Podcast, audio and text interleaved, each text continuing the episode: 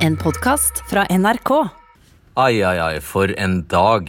Det er eh, rart å tenke på at uh, da vi startet prosessen med denne sendingen, så la vi opp til en sending om fiskerikvoter, og så endte vi med dette her. Vi vurderte lenge fiskerikvoter, men så landet vi på at uh, det var hakket mer aktuelt å diskutere situasjonen for alle som lurer på hva som skjer i sommerferien. For det er ganske viktige prinsipper som blir satt på prøve om dagen, og rett rundt hjørnet venter nye reiseråd fra regjeringen. Mange har fått hele feriebudsjettet beslaglagt av flyselskaper og reiseselskaper. Eh, Men vi fikk altså verken forbrukerminister Kjell Ingolf Ropstad eller noen andre i hans departement til å komme. UD ville heller ikke komme. Jeg vil likevel at du legger merke til at eh, næringsminister Iselin Nybø faktisk sier at folk skal få pengene sine tilbake, uansett hva som skjer med selskapene. Du hører Hege Berge, Inger Lise Blyverke, Astrid Bergmål, Torbjørn Lote, Gunnveig Grødeland, Stein Nilsen, Gunnar Hasle, Steinar Westin, Jon Eckhoff og Andreas Bibov Handeland. At sommeren i år blir annerledes, har vi vel alle akseptert. Men mange har rett og slett ikke penger til å komme seg noe sted.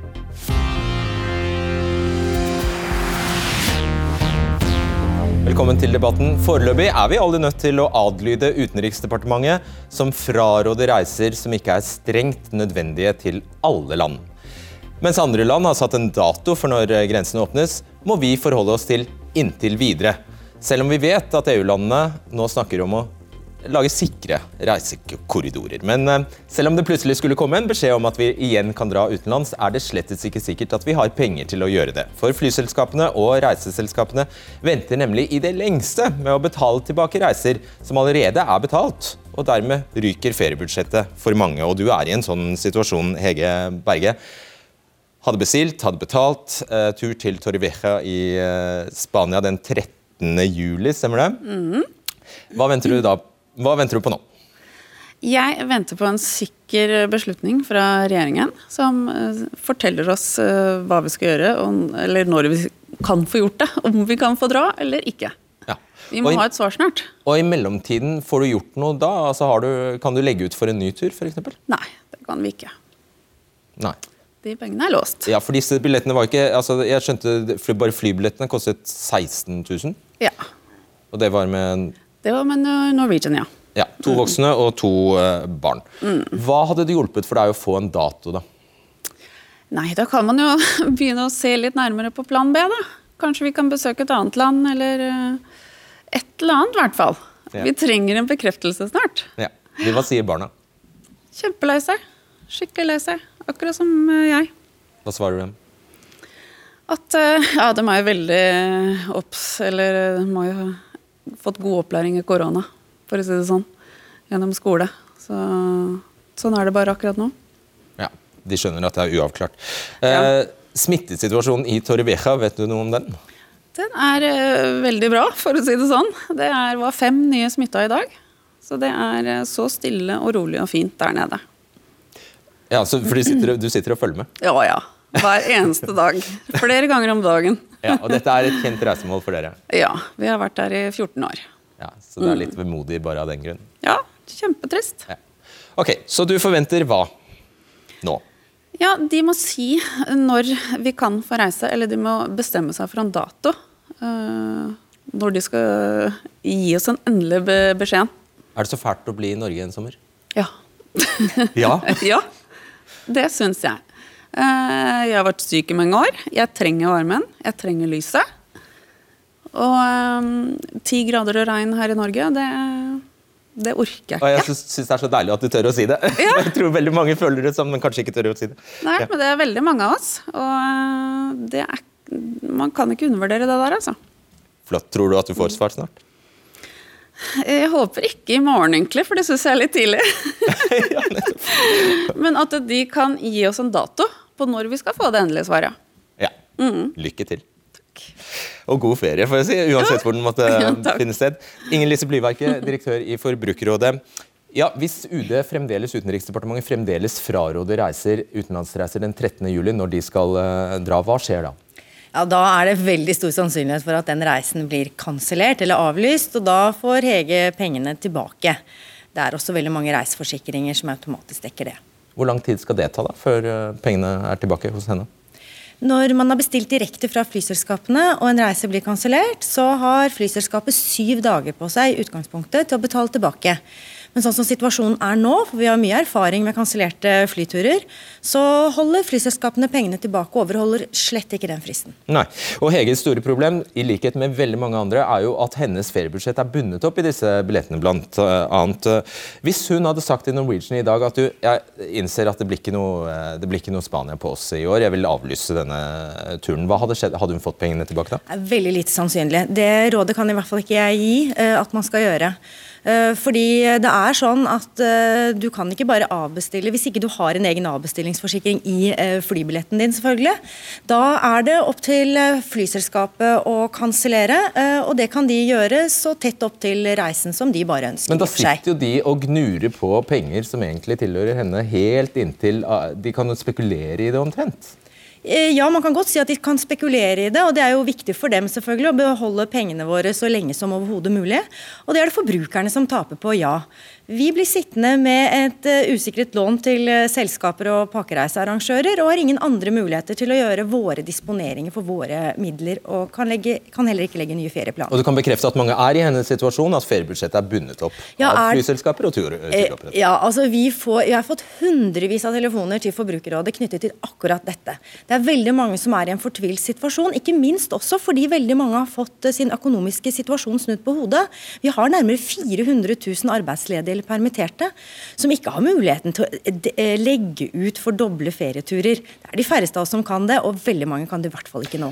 Sett at Hege ikke hadde gått på nettopp bestilt disse, disse flyreisene selv, men hun hadde valgt å, å eh, kjøpe en pakketur i stedet, altså ikke fly og hotell separat.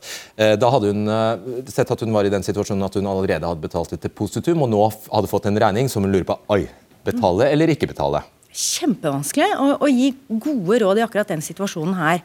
Eh, fordi det er jo eh, sånn at eh, hvis du mener hvis du mener veldig klart at det ikke er noe sannsynlighet for at den reisen kommer til å bli tilbudt meg på det tidspunktet, så kan jeg holde tilbake penger hvis jeg sier tydelig ifra.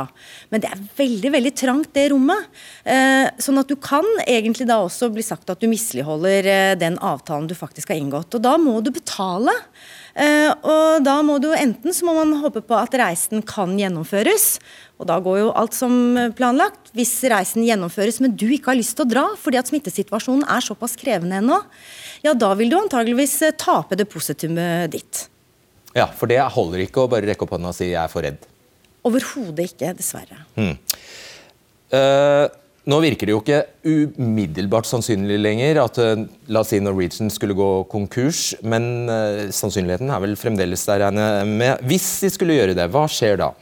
Ja, Da har du lite du skulle sagt som uh, forbruker, egentlig. du har ikke krav på noe når du har kjøpt en billett direkte fra flyselskapet. Da må du stille deg i køen i konkursboet, og vi har egentlig ingen eksempler tror jeg, noen gang på at noen har fått noe i den type konkursbo. Eh, du kan ha en mulighet dersom du har betalt med kredittkort og reise kravet mot eh, kredittkortselskapet ditt eller banken, men da må du først ha klaget til flyselskapet eller da til konkursboet. Ja, og det kan ta en liten stund før konkursboet svarer der, kanskje? Ja, det er helt åpenbart. Og det er også sånn vi ser nå at alle de ulike aktørene, både reiseselskaper, flyselskaper og også de som har gitt deg kreditten, altså kredittkortselskapet, holder tilbake penger og skylder på hverandre. Så det er en veldig krevende situasjon for forbrukere. Det høres jo helt vill vest ut. Ja, jeg opplever det faktisk sånn. Jeg opplever at forbrukerrettighetene har blitt satt helt til side i den situasjonen vi er i nå. Og at det er veldig veldig få politikere blant annet, som slår vakt om de grunnleggende rettighetene. De er faktisk eh, FNs grunnleggende rettigheter, disse forbrukerrettighetene jeg snakker om. Det er ikke noe man bare kan skyve til side fordi det ikke passer i dårlige tider. Uh, igjen tilbake til Hvis, hvis, eh, hvis man bestiller en pakketur eh, og ikke, um, ikke, gjør det selv, og reiseselskapet sier Apollo eller Ving skulle gå over ende og gå konkurs, Får man da pengene tilbake? Sjansen er i hvert fall mye større. I utgangspunktet så har vi noe som heter et reisegarantifond i, i Norge, hvor du skal være beskyttet mot en konkurs.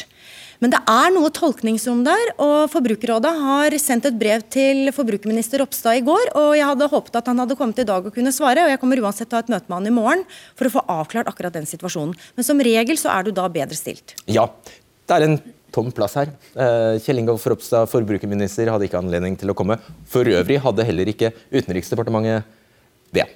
Eh, Andreas Bibov Handeland, du er kommunikasjonsrådgiver i Europeiske reiseforsikring. Hva er den gylne regelen når det gjelder reiseforsikring? Den gylne regelen eh, for når en reiseforsikring gjelder og ikke, det er, eh, der lener vi oss på UD sine reiseråd. Så Foreligger et råd i et land, så skal man ikke reise dit. så Da gjelder ikke forsikringa der. Det er også grunnen til at vi dekker avbestillinger til slike områder eller land. Da. Akkurat. og Hvis eh, UD hadde vært her, så kunne de selv ha fortalt det, at det er ikke vanlig for dem. De pleier nesten aldri å utstede reiseråd som, som har en eksakt sluttdato. De pleier vanligvis å gjøre det de gjør nå, og si 'inntil videre'. Men så, det, jeg regner med at dette Stort sett så er det jo ikke eh, fraråder ikke reiser til hele verden. Det kan vel gjelde krigsområder, Irak, Somalia f.eks. da ellers. Mm. Ja, det er politisk uro og krig, og, og, men det er jo heldigvis sjelden det skjer pandemier. Eh, jeg kan jo bare bekrefte at Vi har jo veldig mange som er i Hege sin situasjon. Vi har en pågang som er enorm, og, og hører om veldig mange sånne saker. Eh, vi har en dekning som gjør at for reiser som ble bestilt før dette reiserådet, og kjøpt og betalt da, før reiserådet ble utstedt 14.3, så dekker vi det fly- eller reiseselskaper ikke tar, uavhengig av fremtidig reisedato. Så, så, våre kunder har muligheten til å sitte på gjerdet eh, så, så lenge de kan. Før, mars, altså før 12. mars? 14. mars. 14. mars. Mm. All right. Eh, hvis statsministeren i Hellas eh, sier eh, 'kom hit, vi åpner grensene', mens rådet fra UD likevel står, hva skjer da? Hva gjør dere da? Nei, det er jo klart at Et land som 20% av økonomien er tufta på turisme, så, så, skjønner vi at det kommer sånne beskjeder og at det vil åpnes opp. Men så lenge UD fraråder å reise til det landet, så gjelder ikke reiseforsikringa hvis du trosser det og drar. Og Vi kjenner jo til eksempler hvor folk har blitt innlagt på private sykehus i utlandet, eller kanskje må flys hjem med ambulansefly. Og regninga kan ende på flere millioner kroner. Så det, det, er høy risiko forbundet med å gjøre det. altså. Men en raritet det er at nå letter jo myndighetene opp på reiserestriksjonene til Sverige. Det er bl.a. mulig å pendle, det er mulig å dra på dagstur uten å få karantene. Mm. Uh, og statsministeren sier en, understreker endog at uh, det er lov å dra til Sverige. Mm. Men reiseforsikring det får man ikke. Nei, altså det kan, virke, det kan, jo virke, rart og vanskelig å forholde seg til. Men så er det jo en gang sånn at i vilkårene våre så lener vi oss på UD. For det er de som har forutsetninger for å si hvor det er trygt for nordmenn å reise.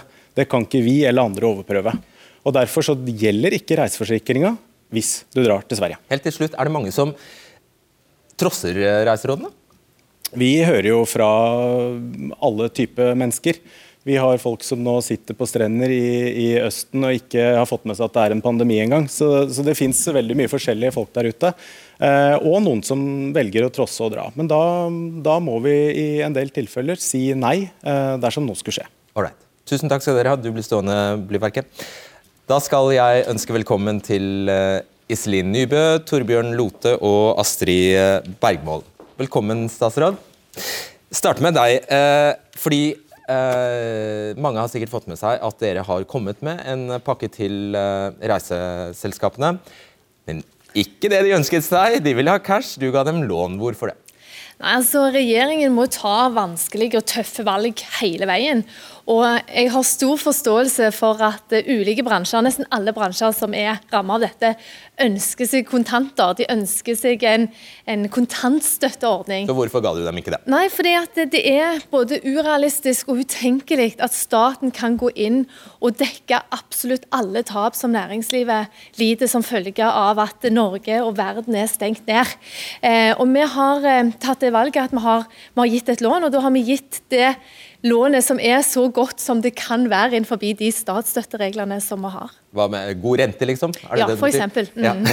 og det er stort, regner jeg med? Ja, det er jo to milliarder eh, totalt sett. Så det er klart dette er jo et betydelig bidrag for at de skal kunne tilbakebetale penger til forbrukerne som har bestilt reise. Ja, for det ligger noen flere djevler i detaljene her. Det skal vi komme tilbake til. Astrid Bergmål, du er leder i eh, Virke reiseliv. Ja, hvorfor skal eh, reiseselskaper som eh, Apollo, som er eid av tyske Reve Group, som i fjor omsatte for 60 milliarder euro, nå blir sponset av norske skattebetalere? Det er viktig å huske på at de aller, aller fleste selskaper dette gjelder, er små og mellomstore virksomheter. Det er snakk om ca. 900 virksomheter i Norge. Og de risikerer nå å gå konkurs. Eh, arbeidsplassene eh, risikerer man at forsvinner. Folk kommer til å miste jobbene sine. Eh, så her er det snakk om å redde jobbene til folk, redde virksomheter og om å støtte reiselivet. Og tysk storkapital skal du også redde med norske skattepenger, så hvorfor? Er, hvorfor man skal gjøre det her, er jo fordi at eh, hvis ikke man får hjelp, nødhjelp som det her er, til å dekke denne refusjonsregningen, sånn at man kan tilbakebetale til forbrukerne, så vil disse selskapene gå konkurs. Så dere har aldri tenkt å gå med overskudd igjen, dere? Jo, men det er helt utenkelig å tenke seg at en bransje som eh, ikke har eh, hatt inntekter nå på en stund, og som ikke kommer til å ha det på lang, lang tid, skal ha muligheten til å, klare seg gjennom dette uten den nødløsningen. Og så må jeg bare få legge til én liten ting til det Iselin Nybø sier.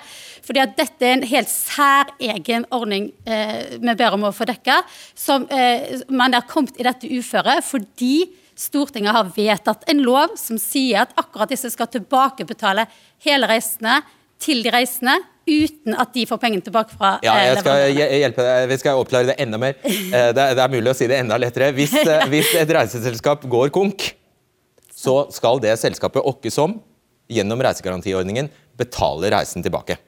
Det stemmer. Ja. Og Det er jo en veldig spesiell situasjon. Det er noe helt annet enn om du kjøper et teppe fra en teppehandler som går mm. konkurs. Det er helt riktig. og derfor så, eh, De andre ordningene vi har, de er veldig brede. Sant? Vi har permitteringsregelverket, som disse bedriftene også kan eh, nytte seg av, som gjør at staten tar store deler av regningen. Vi har denne kontantstøtteordningen, som også disse bedriftene kan nytte seg av. Og vi har brede låneordninger. Men nettopp fordi at det er en spesiell situasjon her, så har vi nå en bransjeretta eh, låneordning for nettopp det denne, denne type utgifter. Bergmo. Altså, dette er jo en låneordning som er så dårlig at selv regjeringen har satt av halvparten av pengene i tapsavsetning. for Man regner med at det vil komme et ras av konkurser. Så tror jeg alle skjønner at hvis du har en gigantisk regning du skal betale, du ikke har noen inntekter på lang tid framover, så vil det være en vanvittig dårlig idé å ta opp et lån med renter for å komme seg gjennom dette, denne situasjonen. Det man inviterer til her, det er rett og slett en luksusfelle. Ok, Den var så god at den må du få svare på veldig kort. ja, det er klart, altså dette Reiselivet generelt og, og, disse aktørene har kommet til å ha store utfordringer framover. Og det handler jo om den pandemien som vi står i. Det at Norge er stengt ned, verden er stengt ned. Men grunnen til at vi har så høy tapsavsetning på dette lånet, det er nettopp fordi at det, det er et så gunstig lån. Det betyr at Innovasjon Norge, som skal gi ut dette lånet, kan ta høyere risiko enn en vanlig bank ville gjort når de skal gi lån til, til disse kundene. Da. Ja, ok, du, jeg, jeg, hører du svarer på noe annet enn det hun, eh, enn det hun egentlig sier. Men det, det, blir ikke, altså vi kan jo gråte for disse, altså Det er jo ikke bra at turselskapene går, går konkurs, men, men hvor, eh, hvor, stiller dette forbrukeren hvis, de, hvis det ikke er penger i dette fondet? Uh, ja, og noe av dette her eh, går jo for så vidt ikke engang via fondet. fordi at da må jo først disse virksomhetene gå konkurs. Men vi som forbrukere har jo massevis av penger utestående gjennom disse pakkereisearrangørene uansett. Og, og, mens dere krangler, så er det altså forbrukere som står der og kan ha altså Vi får telefoner til oss med folk som har eh, kjøpt reiser til 30 000, 60 000, kanskje 100 000 kroner. For pakkereiser er ofte store og dyre og komplekse. Det er både hotell, det er fly det kan være bussturer, det kan være ulike arrangementer. Det er hele Opplegget med en pakkereise det er jo at det er en kompleks tur. Du overlater til pakkereisearrangøren å bygge den, og du har den forsikringen at hvis noe går galt, så får du pengene tilbake. Så hvem er du mest enig med her? Nei, Jeg er ikke enig med noen. Jeg, i den forstand, nei, men i den forstand at for, Det er ikke Forbrukerrådets rolle å designe eh, støtteordninger for næringslivet. Det, det, er det ikke. Men det vi ser, det er at bransjen er så åpenbart ikke fornøyd med den støtteordningen som myndighetene har lansert. De sier at dette vil ikke hjelpe. Det betyr at forbrukerne, som i utgangspunktet har krav på pengene tilbake til 14 dager, hvor myndighetene selv, den regjeringen som eh, Nybø sitter i, har sagt ja, det klarer de ikke, så de må få 90 eh, dager på seg til å betale tilbake til forbrukere i stedet. De sier at de vil ikke ja, engang klare det. Over, eller, eh, ja, bare ja. forklar det. Fordi det, det, hvordan var det før, og hva er det regjeringen har sørget for? Reglene er sånn at Hvis en, en pakkereise blir kansellert eller avlyst, så har du krav på pengene tilbake i løpet av 14 dager. Og Det kan være lenge nok det er når du har mye penger utstående, men dog, det er på en måte forståelig. Det er jo noe, noe som, en transaksjon som skal skje. Men fordi at uh, disse uh, virksomhetene som uh, Bergman snakker om, er i en så vanskelig situasjon, så gikk de til regjeringen og sa dette kommer ikke de til å klare.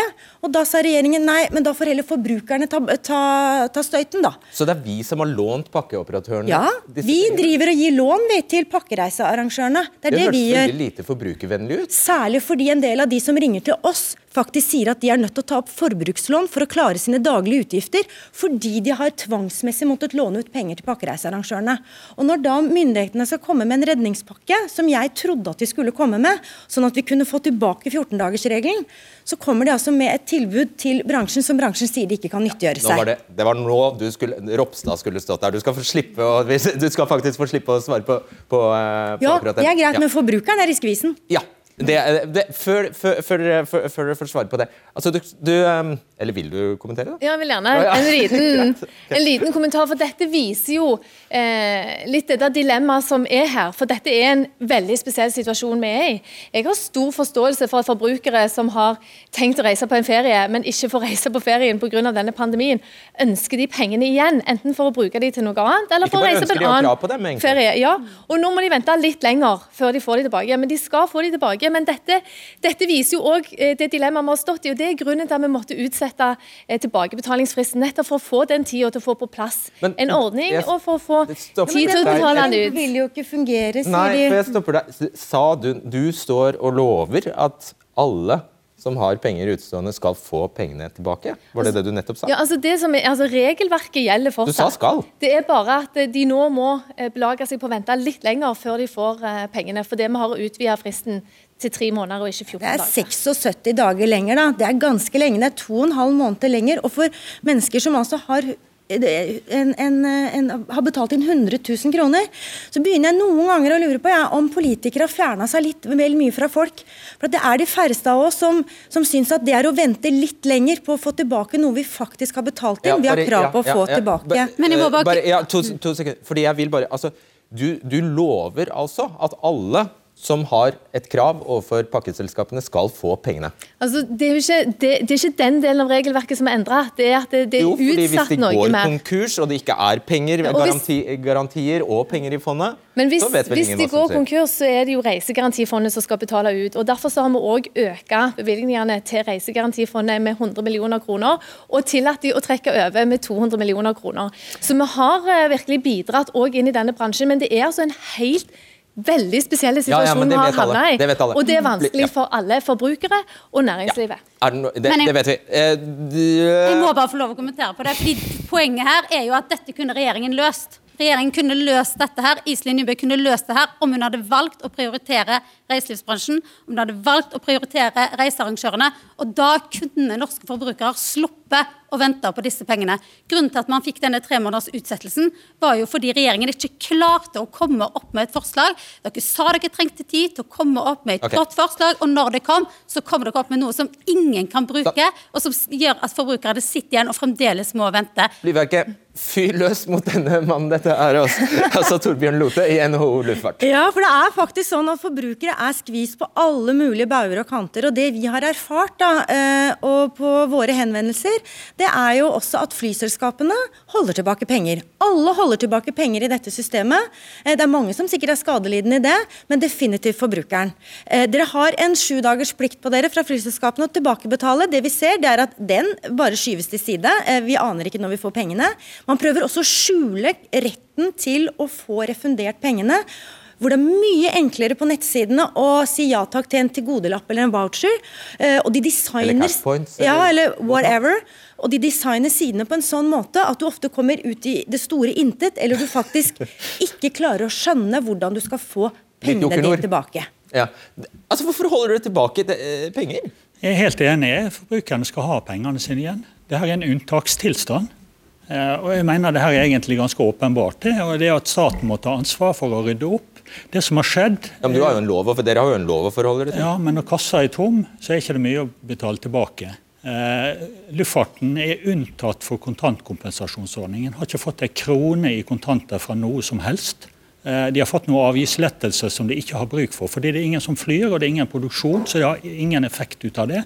Det man har fått, det er tilgang til noen låneordninger som jeg kaller det litt sleivete verdens dyreste lån. For staten skal ha betalt for de lånene med en egen garantipremie, som gjør at hvis flyselskapet overlever, som jeg håper staten ønsker, så vil faktisk staten tjene på å gi en garanti og at de skal låne opp for å ha noe likviditet fremover. Og Får de likviditet, så skal de gjøre opp for seg.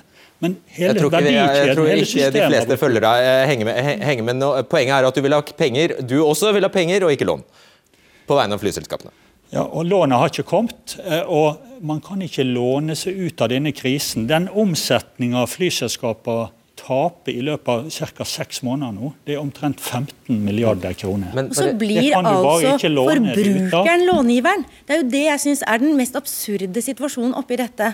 Det er altså den enkelte forbruker som blir långiver, tvangsmessig långiver. Jeg yter øh, reiseselskaper og flyselskaper et tvangsmessig lån, helt uavhengig om det kommer kontanter inn i, i min Ja, husholdning. Lotte, dere kan ikke bare sitte på pengene, det er ikke lov. Nei, men det er De sitter ikke på pengene, for det er ingen penger i systemet. Det er jo det som er hele clouet her. Og det tar ikke staten ansvar, for. Det de har gjort, de har stengt butikken.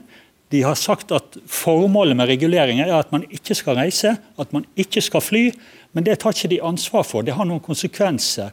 De som må betale det her gildet nå, eller ta kostnaden, det er forbrukerne, det er flyselskaper og det er tusenvis av ansatte som nå er uten jobb. Ja. det, og det, det var vel en ganske forutsigbar konsekvens, Nybø?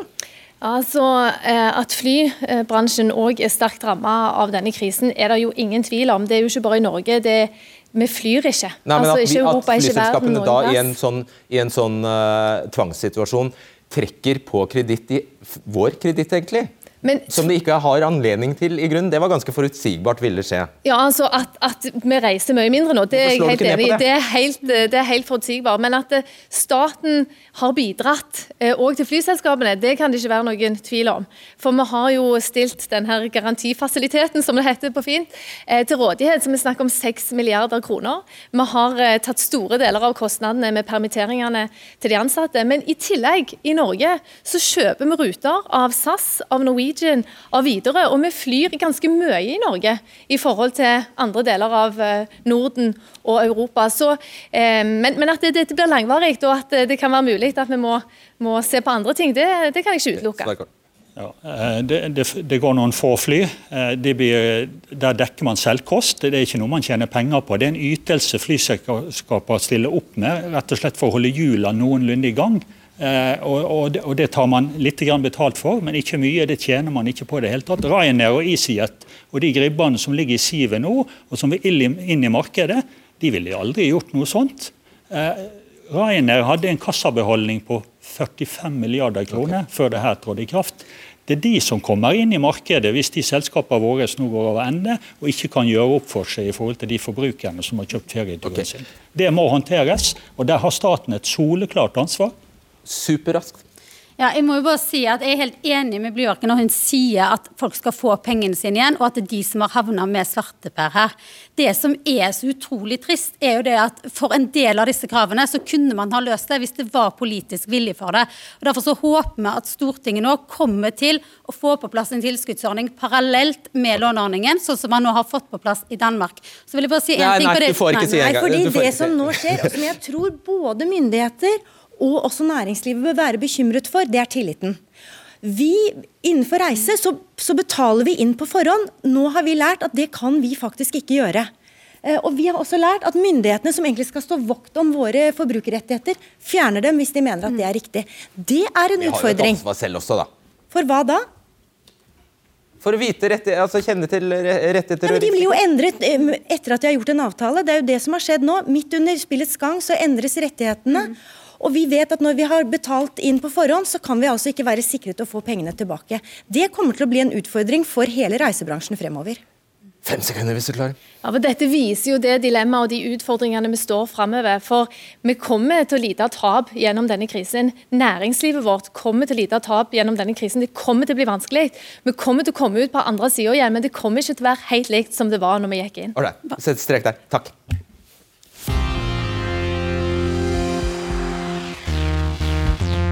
Ja, Hvis vi etter hvert eh, kan få lov til å reise ut av dette landet, er det dette her som venter oss da? Skal vi ligge inne i glassbur på greske strender? Og hvis det var strabasiøst å komme seg gjennom eh, flyplasser før koronaen, hvordan blir det nå? Når vi skal holde avstand og alle skal bruke munnbind. Eh, men det viktigste, det aller viktigste spørsmålet er jo strengt tatt hvis vi skal om bord på fly, er det trygt? Hva vet vi om dette viruset om bord i trykkabiner? Ja, det vi eh, vet, er at der i eh, fly så er det eh, veldig god eh, luftsirkulasjon. Eh, vi vet at den luften sirkuleres gjennom HEPA-filter, som vil fjerne veldig mye av eh, viruset. Vi vet òg at det er et lufttrykk som sender eh, viruset ganske raskt nedover. Sånn at den tiden viruset vil være i luften på fly, er sannsynligvis minimal. Å ja, så det er faktisk bedre å sitte i en trykkabin enn å stå her? Det kommer jo egentlig litt an på, fordi viruset går ned. Eh, men det kan òg da selvsagt overleve på overflater eh, inne i flyet. Eh, og flyet er litt kjøligere enn det vi har her inne akkurat nå, som òg gjør at viruset vil kunne overleve kanskje litt lenger. Men det går ikke an å si nøyaktig hvor lenge, for det vil jo faktisk variere med lokale forhold og flere ting. Og så skal jeg bare, fordi det er noen som hører oss på podkast, skal jeg bare si at du heter Gunnveig Grødland og er forsker ved Institutt for klinisk medisin ved Universitetet i Oslo. Um, ja, To ord om munnbind. fordi Det, det ble jo etter hvert uh, later til at det etter hvert blir normen. Nå skal vi ha på oss munnbind om bord i flyet. Fornuftig? Eh, jeg tenker Hvis munnbindet eh, brukes korrekt under eh, reisen i fly, så vil det kunne eh, bidra til å redusere smittespredning, ja. Men det å bruke det riktig, det er ikke bare bare. Eh, så Hvis man legger opp til den løsningen der, så må man òg legge opp til løsninger der man både under flyreisen faktisk sjekker at munnbindet brukes riktig, og at det blir gitt god opplæring til passasjerene. Bare, jeg vet du har noen, eh, du, du har noen dagligdagse observasjoner som underbygger, underbygger mistanken din om at dette ikke alltid skjer. Ja, eh, og eh, nå har jeg faktisk i dag sjekket om det finnes studier for bruk av munnbind i befolkningen, om det gir effekt. Og Det er det altså ingen konklusive grunner til å tro. Og En av grunnene er at det er veldig vanskelig å få befolkningen til å bruke dette munnbindet riktig. Hva er det vi gjør med det? Eh, og det vi gjør med det da, Jeg har jo faktisk observert folk som går med munnbind på haken. Det så dere sikkert òg, senest eh, av journalistene som sto og intervjuet Trump. Der merka i hvert fall jeg meg at et par av journalistene satt med munnbind på haken. Kjempeeffektivt der. Jeg har også sett folk som går med munnbind og møter folk for å prate med dem, og så tar det av. Ja. og så tar det på igjen når det går videre. Det er en del pussig bruk. Drikke litt, spise litt underveis. Tre. Ikke så lurt. Ikke så lurt. Nei. Jon Eckhoff, pressesjef i eh, SAS. Dere har altså eh, innført munnbind allerede eh, fra mandag, ja. fra mandag av. Hvorfor det, egentlig? Ja, dette er i ferd med å bli en internasjonal bransjestandard. Vi ser andre store flyselskaper og, og bransjeorganisasjoner de går for munnbind nå. Og så må man huske på at dette er ett av mange tiltak vi gjør. Så det, det på en måte legger seg på topp toppen av f.eks. nye boardingrutiner, det er ikke servering om bord, eh, altså avstand mellom passasjerene som vi prøver å få til. Mange sånne ting. Eh, og så er eh, viktig for eh, passasjerene selvfølgelig å føle at det er en trygg og, og komfortabel reise, og vi tror at eh, munnbind kan bidra til det. Steinar Nilsen, du er administrerende direktør i Widerøe. Dere hadde en Jeg skal først si det at det finnes en undersøkelse som den internasjonale luftfartsorganisasjonen IATA har foretatt blant 100 000 eh, internasjonale flypassasjerer. Og det var ingen av dem som faktisk ble smittet om bord i kabinen. Um, dere, har en, dere har lignende erfaringer? Ja, og Vi ser jo det i alle studier som gjøres, alle utredninger som gjøres. så konstaterer man at det er lav smitterisiko om bord på fly. Og det, det, er også vår eh, erfaring der ute i virkeligheten. Vi har hatt flere tilfeller der vi beviselig har frakta eh, passasjerer som har vært smitta av korona. En flygning hadde vi fra Bergen til Aberdeen, og faktisk to om bord i den flygninga der var smitta. Men vi er ikke kjent med i ettertid at andre om bord på det flyet der ble smitta av, av, disse personene. Så det er en veldig veldig lav smitterisiko. Og så er det sånn i, i, i, Norge i dag så har vi sannsynligvis det strengeste smittevernregimet som finnes i, i hele verden, i hvert fall i hele Europa om bord på fly, i og med at vi har et avstandskrav.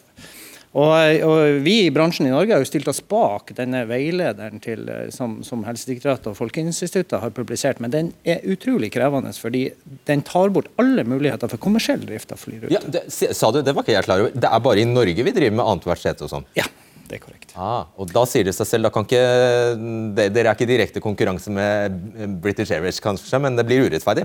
Ja, men det, i neste uke blir det her veldig, veldig komplisert. Fordi at I dag har vi smittevernsveiledere å forholde oss til i Norge. I neste uke blir det beslutta en europeisk smittevernretningslinje. Eh, og den er annerledes enn den norske. Og da får vi i bransjen et problem. For når vi flyr fra Bergen til Aberdeen, så lurer vi på hvilke regler er det vi skal ha om bord på våre fly. Ja. Så det er utrolig viktig å få en felles europeisk standard. Ja, Hva gjør dere da? Annethvert sett eller ikke? Nei, vi, vi, følger jo eh, myndighetenes eh, råd, både nasjonalt og internasjonalt. Men det er klart, eh, som det sies her, det er utrolig Men det er ikke noe mellomting mellom annethvert sete og hvert sete? Nei, jo, altså, men vi, vi, vi, må jo se på hva som skjer nå med disse ja. internasjonale standardene. Det er det alle jobber for nå, fordi det er bra for både flyselskaper og passasjerer.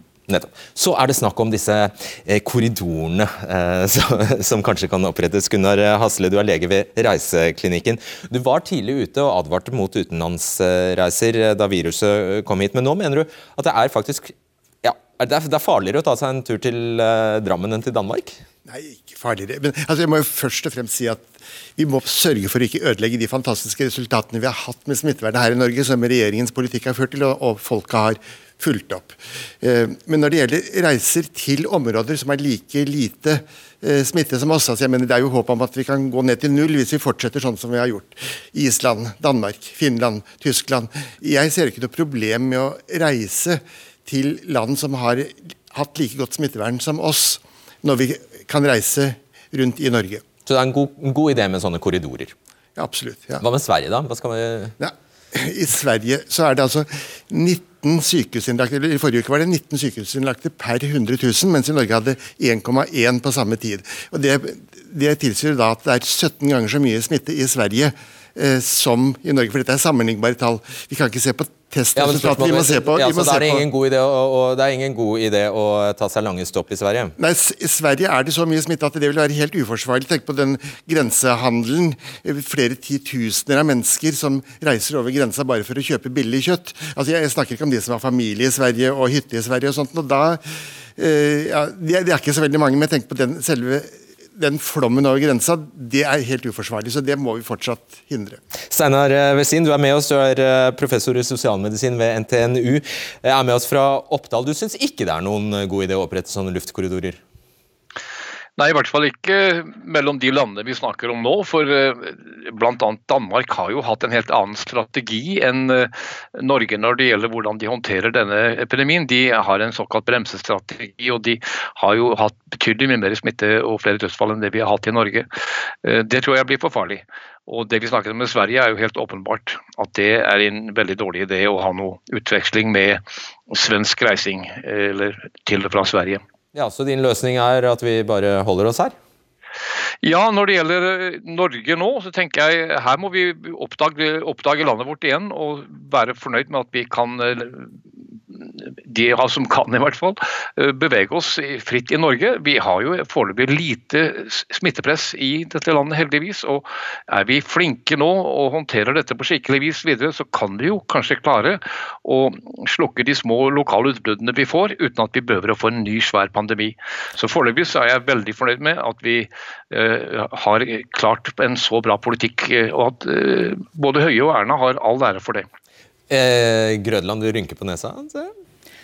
Jeg tenker at Norge er et land i verden, og at man bør forsøke å reise i den grad det er mulig. Jeg er helt enig med deg når du sier at hvis det er sammenlignbar smitte i befolkningen, så er jo ikke risikoen større om du er i utlandet eller i Drammen, som vel var det eksempelet du brukte. Det er andelen smitte i befolkningen som er det viktige. Ja, men Da må vi jo igjen stole på offisielle smittetall. Jeg vet ikke hvor gode og pålitelige tallene er for uh, Thailand? Nei, Det er lenge til vi kan reise til sånne eksotiske land, sånne steder hvor man må ha reisevaksine for å reise. Uh, det, er, det, blir ikke før vi kan vaksinere folk mot covid-19. Og Det kan være om et år, som optimistene sier, kanskje om to år. Eh, det, det, vet vi ikke. Og det er klart Når man reiser til Thailand eh, og blir syk der nede, så kan man Du vil jo da bli behandlet som en farlig smittebærer og isolert. Det, vil være ubehagelig isolasjonssituasjoner, karantenesituasjoner. Jeg, jeg, vil ikke anbefale det. og det advart jeg tidlig, allerede 28.1, måtte bestille reiser til eksotiske reisemål. Og det kommer jeg til å fortsette med. Ja, jeg er sikker på det. Det, det sitter langt inne hos deg? Ja, det er jo det. Jeg, jeg lever jo av dette her. så nå, nå, er det jo null hos meg på reiseklinikken, men sånn er det. Men på et eller annet tidspunkt så skal vi jo i gang igjen. og Det er jo det EU-kommisjonen sier nå. At eh, skal vi få i gang Europa igjen, så må vi ha noen felles spilleregler for hvordan vi skal transportere folk, og hvordan folk skal oppføre seg når de er i andre land. Og Det er det som er det viktige nå, det er at vi i Norge også får en viss harmonisering med det som skjer utenfor våre grenser. Sånn at vi som driver transport imellom landene, klarer å håndtere det. Og Dette går jo veldig, veldig fort. ikke sant? Eh, når eh, forventer dere, eller Hvor raskt må en sånn avklaring eh, skje? Altså, vi følger markedet nøye, og dette handler om etterspørsel. Så Det gode rådet er selvfølgelig bestill gjerne turer til en av våre 17 destinasjoner i Norge. Du kan fly med videre videre hvis du trenger det. Men det er mange muligheter. Og så fort det er klart for å reise til utlandet, så er SAS klare. Da er dere, det er. Ok. Eh, tusen takk skal dere ha. Det gjenstår bare for meg å ønske hjerteligst til lykke med grunnlovsdagen på søndag. Vi holder avstand til hverandre til tirsdag. God kveld.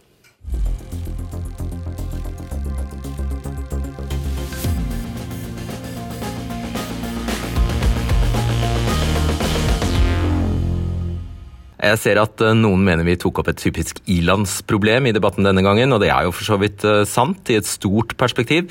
Men jeg mener eh, likevel at vi valgte noe som var relevant, og eh, at vi hadde den riktige innfallsvinkelen. At eh, mange faktisk vil få problemer med å finansiere ferien, og at penger holdes urettmessig tilbake om dagen. Vel, det kan fort dukke opp en debatten om fiskeri før sommeren er her fremdeles. Vi får se. Du har hørt en podkast fra NRK.